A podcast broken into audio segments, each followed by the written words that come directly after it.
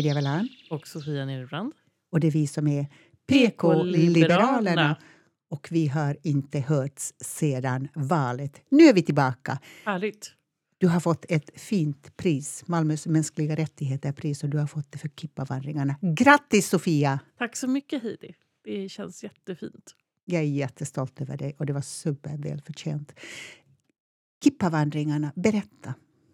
Mm, det är, tycker jag själv, en väldigt häftig upplevelse att få vara med att samla så många människor eh, för något så fint som tolerans och solidaritet för eh, Malmös judiska befolkning. Vi har varit några hundra som har eh, samlats utanför synagogan för att sen med kippa på huvudet gå genom Malmös gator och mm. samlas på, ett, på ett torg.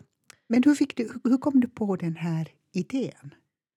Um, jag flyttade till Malmö 2010 och blev varse förstås att det fanns en väldig antisemitism här. Och sen läste jag en liten blänkare, jag tror det var i Sydsvenskan, om um, en man som heter Jehoshua Kaufman eh, som ja, är medlem i församlingen och psykolog och som kom på varför ska vi ta av oss kippan när vi lämnar gudstjänsten.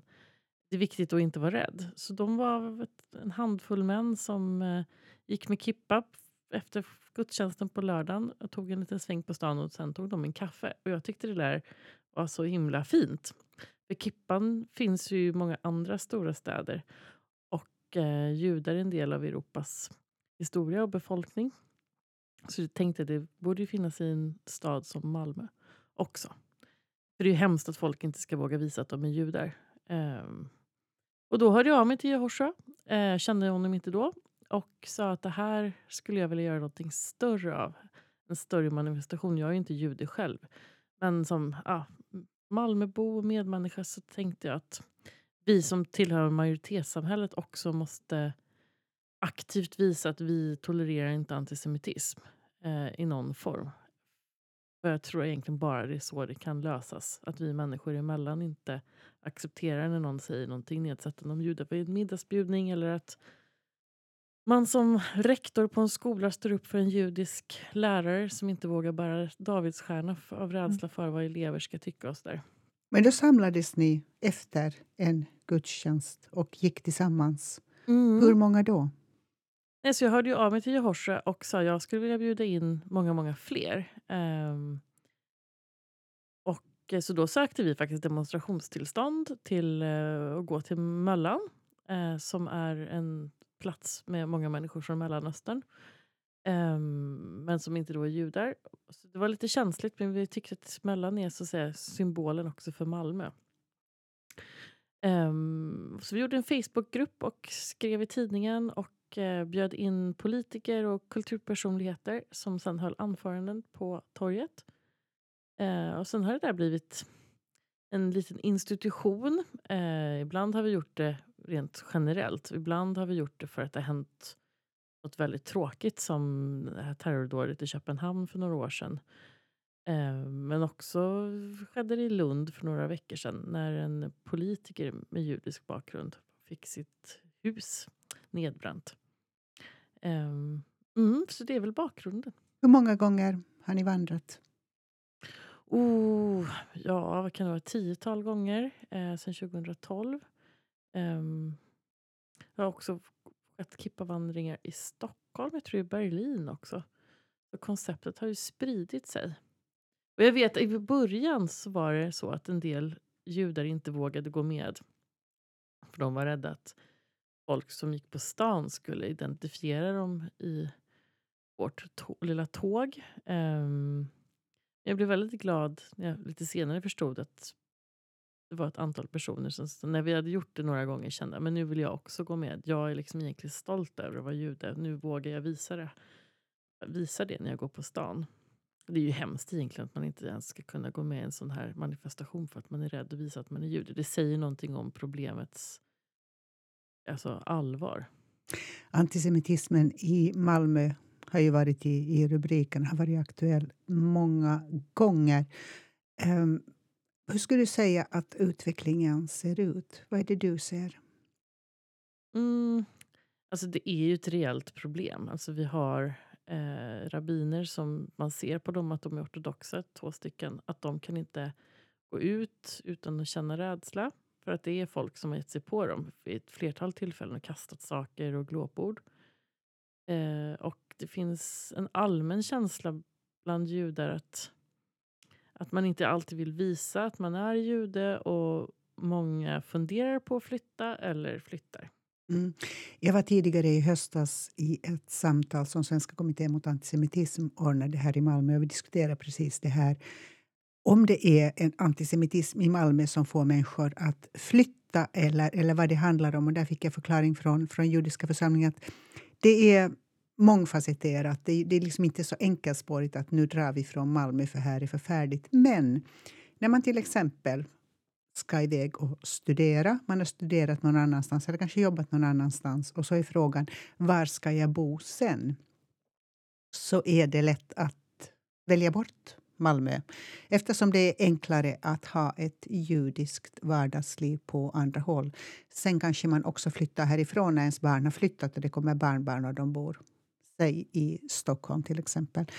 Um, så det är det, det, är inte så där liksom, det är inte enkla förklaringar, men det är en tråkig utveckling på sikt ändå. Och så är det, jag tänker det här att, att man överhuvudtaget ska behöva diskutera detta år 2018. Att, att, att vara jude fortfarande är på något vis en sak som man behöver plocka upp gång på gång.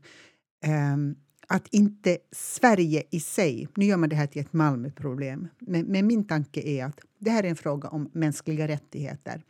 Och ska Sverige ta sig ton, vilket Sverige ska, ska man gå ut och kunna kritisera andra som kränker mänskliga rättigheter så måste man se till att ja, klyschigt sopa rent framför egen dörr. Det vill säga antisemitismen i Malmö den drabbar judarna här, den är förfärlig för staden men den är också dålig för hela landet och fullkomligt självklart att man Så, behöver absolut. åtgärda det. Du, du har ju flera viktiga poänger. Um, det, det, är ju, så säga, man kan ibland säga att judar är som kanariefågeln i gruvan. Att när antisemitismen växer så är det ett tecken på att intoleransen rent generellt ökar i samhället. Och vi vet ju vad det kan leda till. Det är alltså verkligen förskräckliga saker. Ehm, det är ett problem på det sättet, men det handlar ju också om att människor ska vilja flytta hit. Det byggs ett ESS i Lund. Ehm, ska, liksom, judiska forskare från världen, alla hörn, inte våga komma hit därför att Malmö har blivit helt ökänt.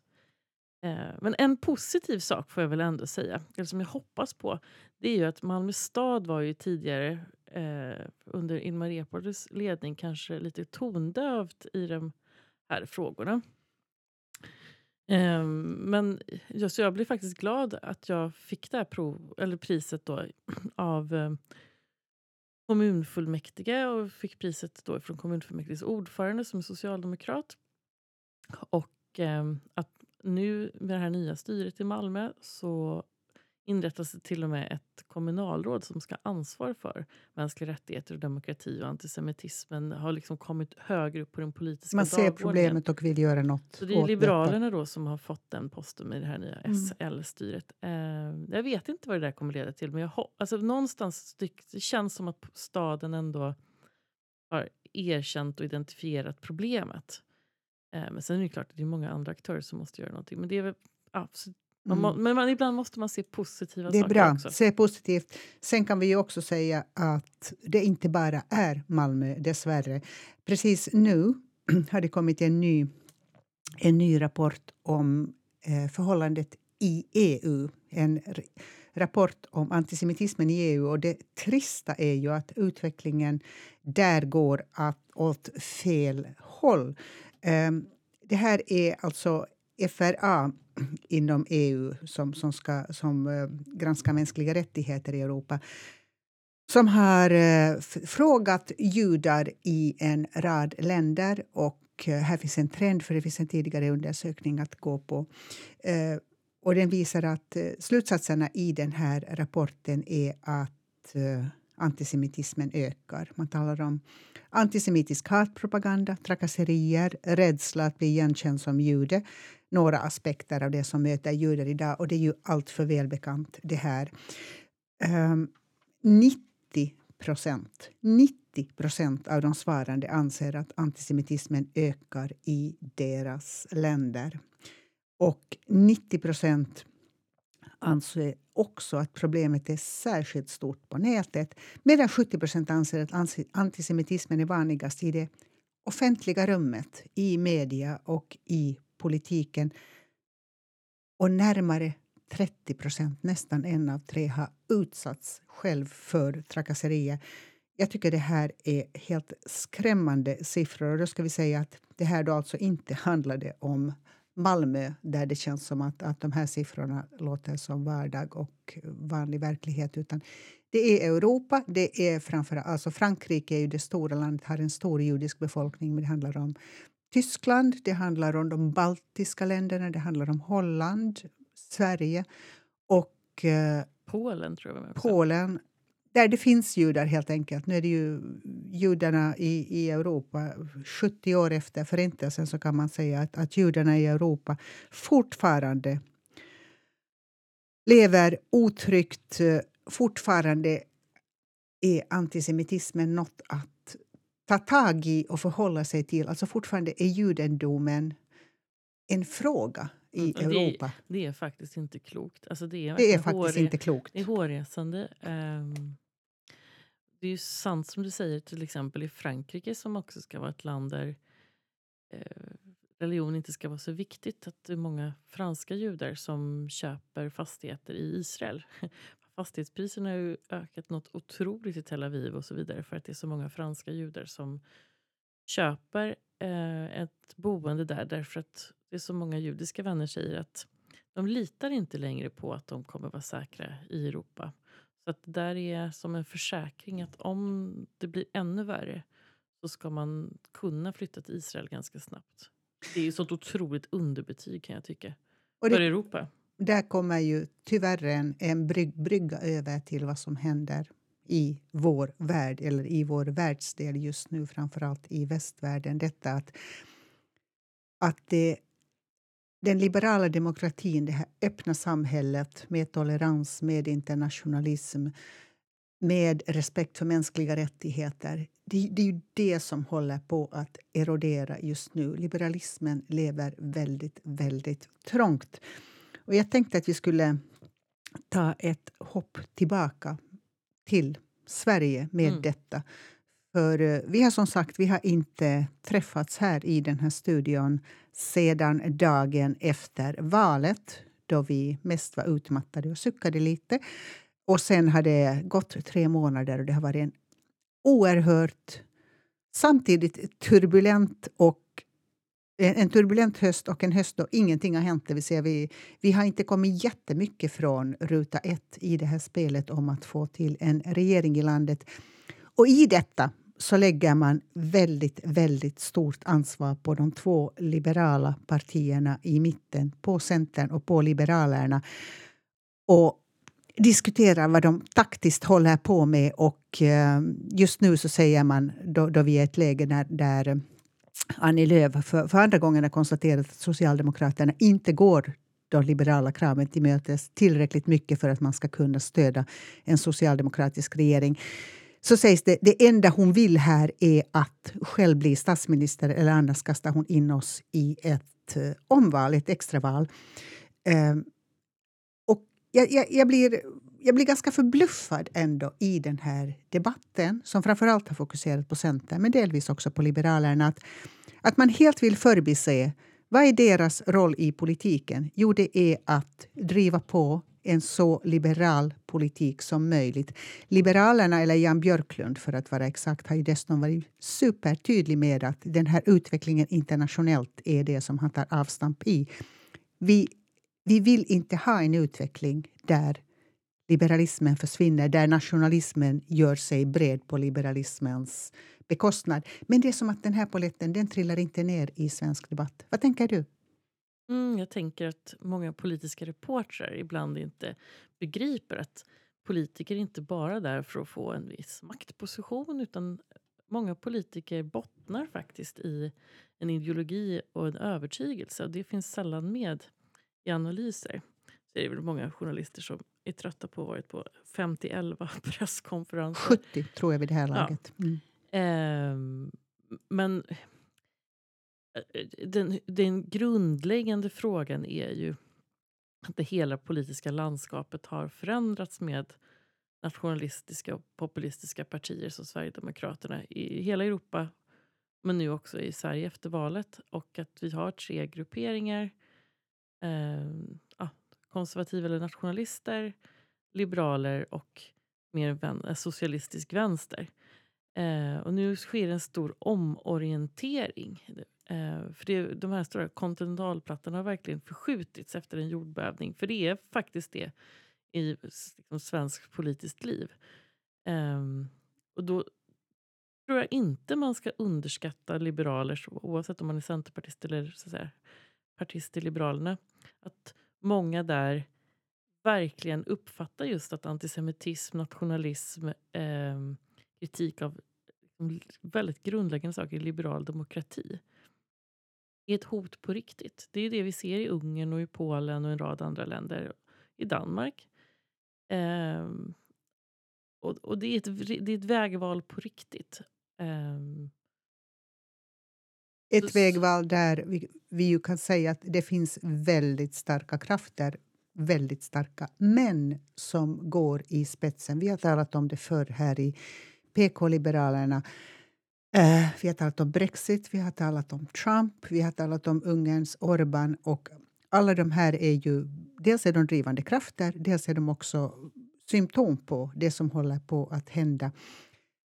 Uh, där, en, där den här internationalismen, den här känslan att gå tillsammans så att alla vinner har ersatts av liksom en, tillbaka till ett nollsummespel och, och en kamp mellan länder, ett, eh, en djungelns lag där de starkaste ska vinna. Den utvecklingen är otroligt dyster. Men det är klart att det, det, finns någonting som, som förorsakar den eller, eller något som, som den kan åtminstone söka näring i. Och medan vi träffas här så pågår det ju i, i Frankrike just nu väldigt stora proteströrelser. Idag just så är det gymnasieeleverna som är ute. Jag tror att, att deras färg var svart, men det är ju de gula västarna vi har talat om här en längre tid. Och, och det är den rörelsen är ju liksom en protest mot, mot uh, globalisering, mot internationalism, mot marknadsliberalism framför allt som, som den tondöve Macron förfäktar. Och, och, och, det så kallade etablissemanget. Det är traditionella yeah. medier, det är EUs mm. institutioner, det är en rad olika aktörer som man tidigare har hyst viss respekt för. Därför att nationalismen går ju i armkrok med populismen. Exakt. Populismens uh, främsta fiende är eliten oavsett dess färg. Men det som jag tänker, Frankrike är ett bra exempel just nu om man inte lyckas hantera den här, den här mitten, den stora mängden av människor och, och mitten av politiken så börjar man pressa ut mot flankerna. I Frankrikes fall så finns det liksom Mélenchon, socialisterna på ena sidan och andra sidan nationalister med, med Marine Le Pen, med Nationella fronten och ett extremt ansvar för att kunna sköta den här mitten. Då tänker jag att, att i den här situationen som världen ser ut hela tiden misstänkliggöra liberaler som jobbar för att precis stärka mitten, få en liberal politik och särskilt en socialliberal politik som, som tar ansvar också för dem som inte är starka själva, där samhället kommer till hjälp. Att, att misstänkliggöra den och hela tiden göra den till ett spel är Ja, det känns det är tröttande, fördummande och, och jag, jag, blir ganska uppgiven när jag lyssnar på det. Och, och, vi kan ju säga att rätt mycket så är det ju medier som driver den här tesen. Men det är ju därför vi lite stolt kallar oss för PK-liberalerna. Därför det finns ett visst förakt mot liberal demokrati och liberala idéer. Både från vänster men också på senare tid väldigt uttalat från ah, någon slags högerflank. Um, en marknadsliberal och konservativ högerflank i Sverige. Håller mm. du med om den beskrivningen? Um, ja, fast med marknadsliberalism verkar inte vara så viktigt just nu. Utan det handlar ju mer om konservatism. Ja, och tillhörighet och alltså, så att man... Alltså jag tycker hela det offentliga samtalet under hösten har blivit allt mer giftigt. Rätt tröttsamt faktiskt. det är väldigt få som lyssnar och försöker komma framåt och väldigt många som sänder och kritiserar och är rätt oförskämda ibland. Mm. Det är helt sant. Låt oss lämna det. Mm. Vi går till något helt annat. Årets julklapp är ett återanvänt plagg. Eller det är väl ungefär så här som, som eh, HI Research, Handels utredningsinstitut, har formulerat det. Det kan vara liksom att, att man återanvänder materialet ur ett plagg till någonting nytt, ett nytt plagg. Eller så är det helt enkelt ett second hand-plagg, vintage. Och det här ämnet, när jag såg dig komma idag, Sofia, jag måste ju beskriva, du är så otroligt fint klädd i olika blå och turkosa nyanser. Dina färger absolut, fast i helt nya konstellationer. Och så har du då stövlar som matchar halsbandet som matchar pärlorna på din scarf och de går lite i brunt. Så det är brunt, brunt akvamarin och blått och mycket snyggt. Och när jag blev förtjust över din apparition som vanligt så säger du att, att ni har haft en fnitterfest. Berätta. Det var ju så vansinnigt roligt. Eh, vi åt brunch hos en väninna tillsammans med ytterligare en kompis. Och eh, så började min väninna då plocka fram lite kläder. Eh, av en, på delvis av en tråkig anledning, för hennes mamma precis har gått bort så hon hade ärvt lite kläder. Och så började vi testa och eh, satte ihop olika kombinationer. Eh, och jag fick låna några och jag, hon fick låna mina örhängen jag hade på mig. Nu har hon köpt dinglande vackra örhängen. Hon fick dem av mig också. Och vi har börjat skicka bilder till varandra när vi ska gå iväg och göra saker eh, utifrån de kombinationer vi tre kom på åt varandra. Så har vi gjort om det hemma hos mig. Eh, de tog med sig kappsäckar med sina kläder och jag rev fram min garderob. Eh, väldigt kul att ta fram en sak som kanske inte använt på jättelänge. Det vill säga, ni har förnyat era garderober utan att gå ut och storshoppa genom att se... Ja, så har vi bytt med varandra. Bytt. Man, man går in, man ser vad man har på riktigt. Går det här att använda Går det att använda kanske på ett nytt sätt? Eller kan man byta? Kan man ge det till en vän? Precis, för eh, en av mina väninnor, Claudia, som var med, hon hade visat sig ett otroligt sinne för att hitta kombinationer som jag inte hade sett i min garderob och mina accessoarer. Och hur man kan använda höga klackar och ibland ha två halsband eller ja, kombinera. Hon var extremt duktig, så jag sa det till henne. Hon tycker att hon borde starta ett litet företag och hjälpa människor komma hem till dem. Och Gå in bara, i garderoben? Ja, få lite hjälp med att använda det man har på ett nytt sätt. Vi hade otroligt roligt.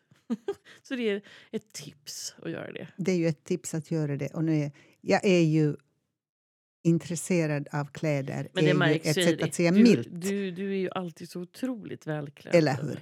Uh, och det, det, var snällt sagt. Tack! Men, men jag är alltså på riktigt, och, och det här är inte, jag, jag, är inte intresserad av mode, så det, det, är inte det som är grejen. Utan jag är intresserad av kläder, av snitt, av klädhistoria, material. Och jag har, det har jag varit, tror jag, alltid. Men samtidigt så jag blir lite fnissig när jag ser det här årets julklapp, ett, ett uh, återanvänt plagg. För för mig är plagg alltid återanvända. Jag, jag är tredje barnet i en familj och vi hade det inte speciellt fett. Och dessutom, detta var Finland några decennier efter kriget. Det var fullkomligt självklart att man använde andras kläder. Liksom. När jag fick ett nytt plagg när jag var liten så var min första fråga alltid vems har det varit? Om det någon gång, och det hände ju trots allt någon gång att det var någonting som var köpt i en affär så förstod jag liksom inte själva konceptet. Men, Men vems hade varit då? Om, den, om ett plagg inte hade historia så var det liksom inte på riktigt för mig. Och Det här har fortsatt genom hela livet. Men, Först, då, men då har du blivit som en early adopter. Att du har varit väldigt tidig med att gå i second hand-affärer. Very early adopter, ja. Jo, men, men, du, men du är ju väldigt duktig på att hitta plagg i second hand-affärer. Men det är ju ett intresse. Och, och det är ju, jag, därför tänker jag att det här var kanske inte världens mest briljanta årets julklapp. Därför att jag tycker att man, ska, att man kan, både kan och ska använda kläder som fortfarande är fina, roliga, går att använda. Vi svenskar lär ju alltså, 13 kilo textilier per år shoppar vi. 13 kilo! Föreställ dig liksom mängden grejer, nya grejer. Mm. Det är Mm. inte så att, att vi har tomt i garderoben. Bär du det, ut 13 kilo varje år? Eller samlar du på dig? nej, jag samlar ju på mig 13 kilo varje år och säkert mer än så eftersom det, jag, jag fortfarande jag köper mycket kläder. Jag sparar mycket kläder. Jag, nej, men jag, har ju liksom, jag har lite den här besattheten. Jag, jag, jag är en samlare. Jag väl en samlare. Jag har Har jättemycket du kläder. stora garderober hemma? Ja, men jag har uh, trångt i garderoben kan man väl säga. Men jag har också hela mitt liv har jag tvingat på mina väninnor mina grejer. Jag har liksom något i garderoben som jag inser men det skulle passa så bra på den.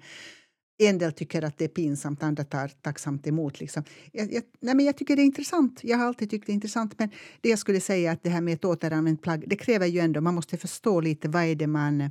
Man måste förstå sig lite på material, man behöver förstå sig på snitt. Du frågade mig här innan om, om jag satsar på liksom vissa märken när jag köper gamla kläder. Men det gör jag ju inte kanske så mycket märken. Men, men jag försöker titta hur arbetet ser ut. Hur, hur är hantverket? Om det finns ju en del ateljésydda grejer bevars. Eller är det, liksom, är det bra tillverkat det här? Är det bra material? Eh, det finns många material som jag bara skyr som pesten. Eh, men jag tycker i alla fall att, att det, är, det är roligt och det är ju också viktigt när man tänker på resurser på jorden. Alltså bomullsodling, en T-tröja kostar en förmögenhet i klimatpengar även om den kostar 79,90 på henne som Maurits. Saker att komma ihåg. Det är bra att satsa på bra grejer från början och sen använda dem. Det här låter som om jag var född på 60-talet, och det är jag. Mina unga går också i avlagda kläder, jag lägger bara till det. Ehm, Sofia, tips. Har du några roliga tips? Mm, jag tänkte efter. Vad är det bland det bästa och roligaste jag gjort under hösten? Och så kom jag på att det var att jag fick för första gången i mitt liv följa med en god vän ut på en jakt. Eh, det var en helt fantastisk, magisk upplevelse. Berätta, vad Eh. gjorde ni? Var var ni? Vi var ute, eh, utåt Österlen i en ah, vacker eh, skog. Vi gick upp in, långt innan solen gick upp. ehm, men det var jag och 25 män. Eh, jag var ju medföljande så att säga. Vad jagade ni? Gris? Rådjur? Mm, vi hörde vildsvin men eh, det var inget som fälldes den här gången. Det var två vita dovhjortar eh, som sköts. Ehm, vi såg kronhjort och räv och och en massa svampar och vackra växter och lite sol. Men det häftigaste var nästan det här att det är ju väldigt meditativt tyst egen upplevelse när man eh, liksom går ute vid hade drev med hundar. Eh, eller att man står eh, och, och väntar om det ska komma något vilt. Men sen Eh, efter, men det är ändå ett lagarbete. De var ju otroligt duktiga. Eh, och sen så hade vi ju samling några gånger och drack kaffe. Eh, och sen måste jag ändå säga att det är också intressant att se de här vackra djuren när de väl är döda. Eh, och jag har också förstått hur otroligt ehm, eh, kontroversiellt det är med jakt. Alltså man kan ju inte lägga upp bilder hur som helst på sociala medier och så. Det är ju märkligt med tanke på att vi äter kött och vi har våra läderstövlar och sådär. Eh, men för mig var det en magisk upplevelse. Inte just att se de döda djuren, men vara ute i naturen och vara ute med duktiga personer och individuella upplevelser med en lagarbete. Väl, äh, sällsamt. Jag kan verkligen rekommendera. Känner ni någon som håller på med jakt så försök att bara få följa med och gå med.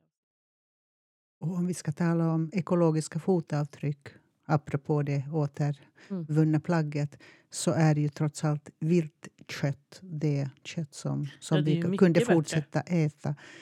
Eh, också efter att, att man drar ner på, på köttkonsumtionen. För det är ju det här industriellt framtagna köttet Och som är ett problem. Jag har förstått att vi inte har så stora rovdjur längre som varg och lo. Så behövs vi människor måste för att hålla liksom, nere beståndet av alla dessa rådjur och älgar och så. Mm.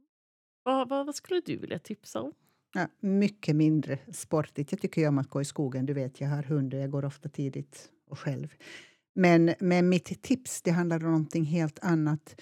Um, häromåret kom ju den fantastiska fyrdelade serien som Elena Ferrante hade skrivit om Min fantastiska väninna.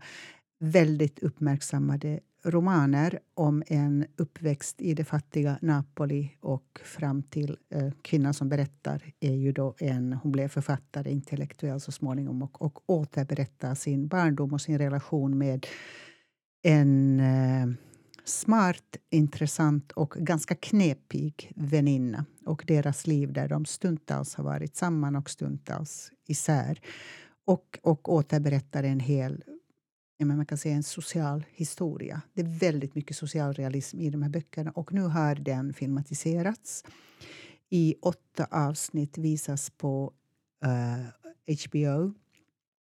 Och jag tycker den här serien är fullkomligt magisk för den lyckas fånga mycket från böckerna. Och den, är, den orkar vara långsam, ha ett, ett berättartempo som gör att du hinner tänka under tiden. Den orkar visa människor som de ser ut, inte förskönade, inte tillpiffade. Den orkar eh, hantera den här misären. De växte ju upp, det var inte bara fattigt, det var ju ren misär. Fast utan att fastna i någon slags sån här äh, gotta sig i naturalismen. Utan när flickorna är riktigt unga så är det, det är en kulissstad som har byggts upp. Eh, och, och den, är, den är lite grå och lite torftig men den är liksom inte überjävlig på något som helst sätt. Därför att det är ju inte så som barn minns sin barndom. utan det är som att de lyckas hela tiden hålla sig i de här flickornas ålder. De beskriver väldigt bra hur människor är och hur tiden är. Jag tycker att den här tv-serien är värd alla de under då blir åtta timmar som man kommer att ha använt när, när alla avsnitt har lagts ut. Det går ett avsnitt ut varje måndag och ett varje tisdag och nu är vi eh, en vecka fått i att komma i mål. Elena Ferrantes, min fantastiska väninna. Tack, då vet jag vad jag ska börja titta på ikväll. Det kan man göra och eh, njuta. Och sen blir det ju snart jul och julledigheter och då förstår jag att man kan använda all sin tid på att se om serier som man missade några avsnitt i. och sånt. Det finns mycket, det finns mycket som ligger på SVT Play. Det betalar vi ju alla för, så det ska vi ju verkligen utnyttja.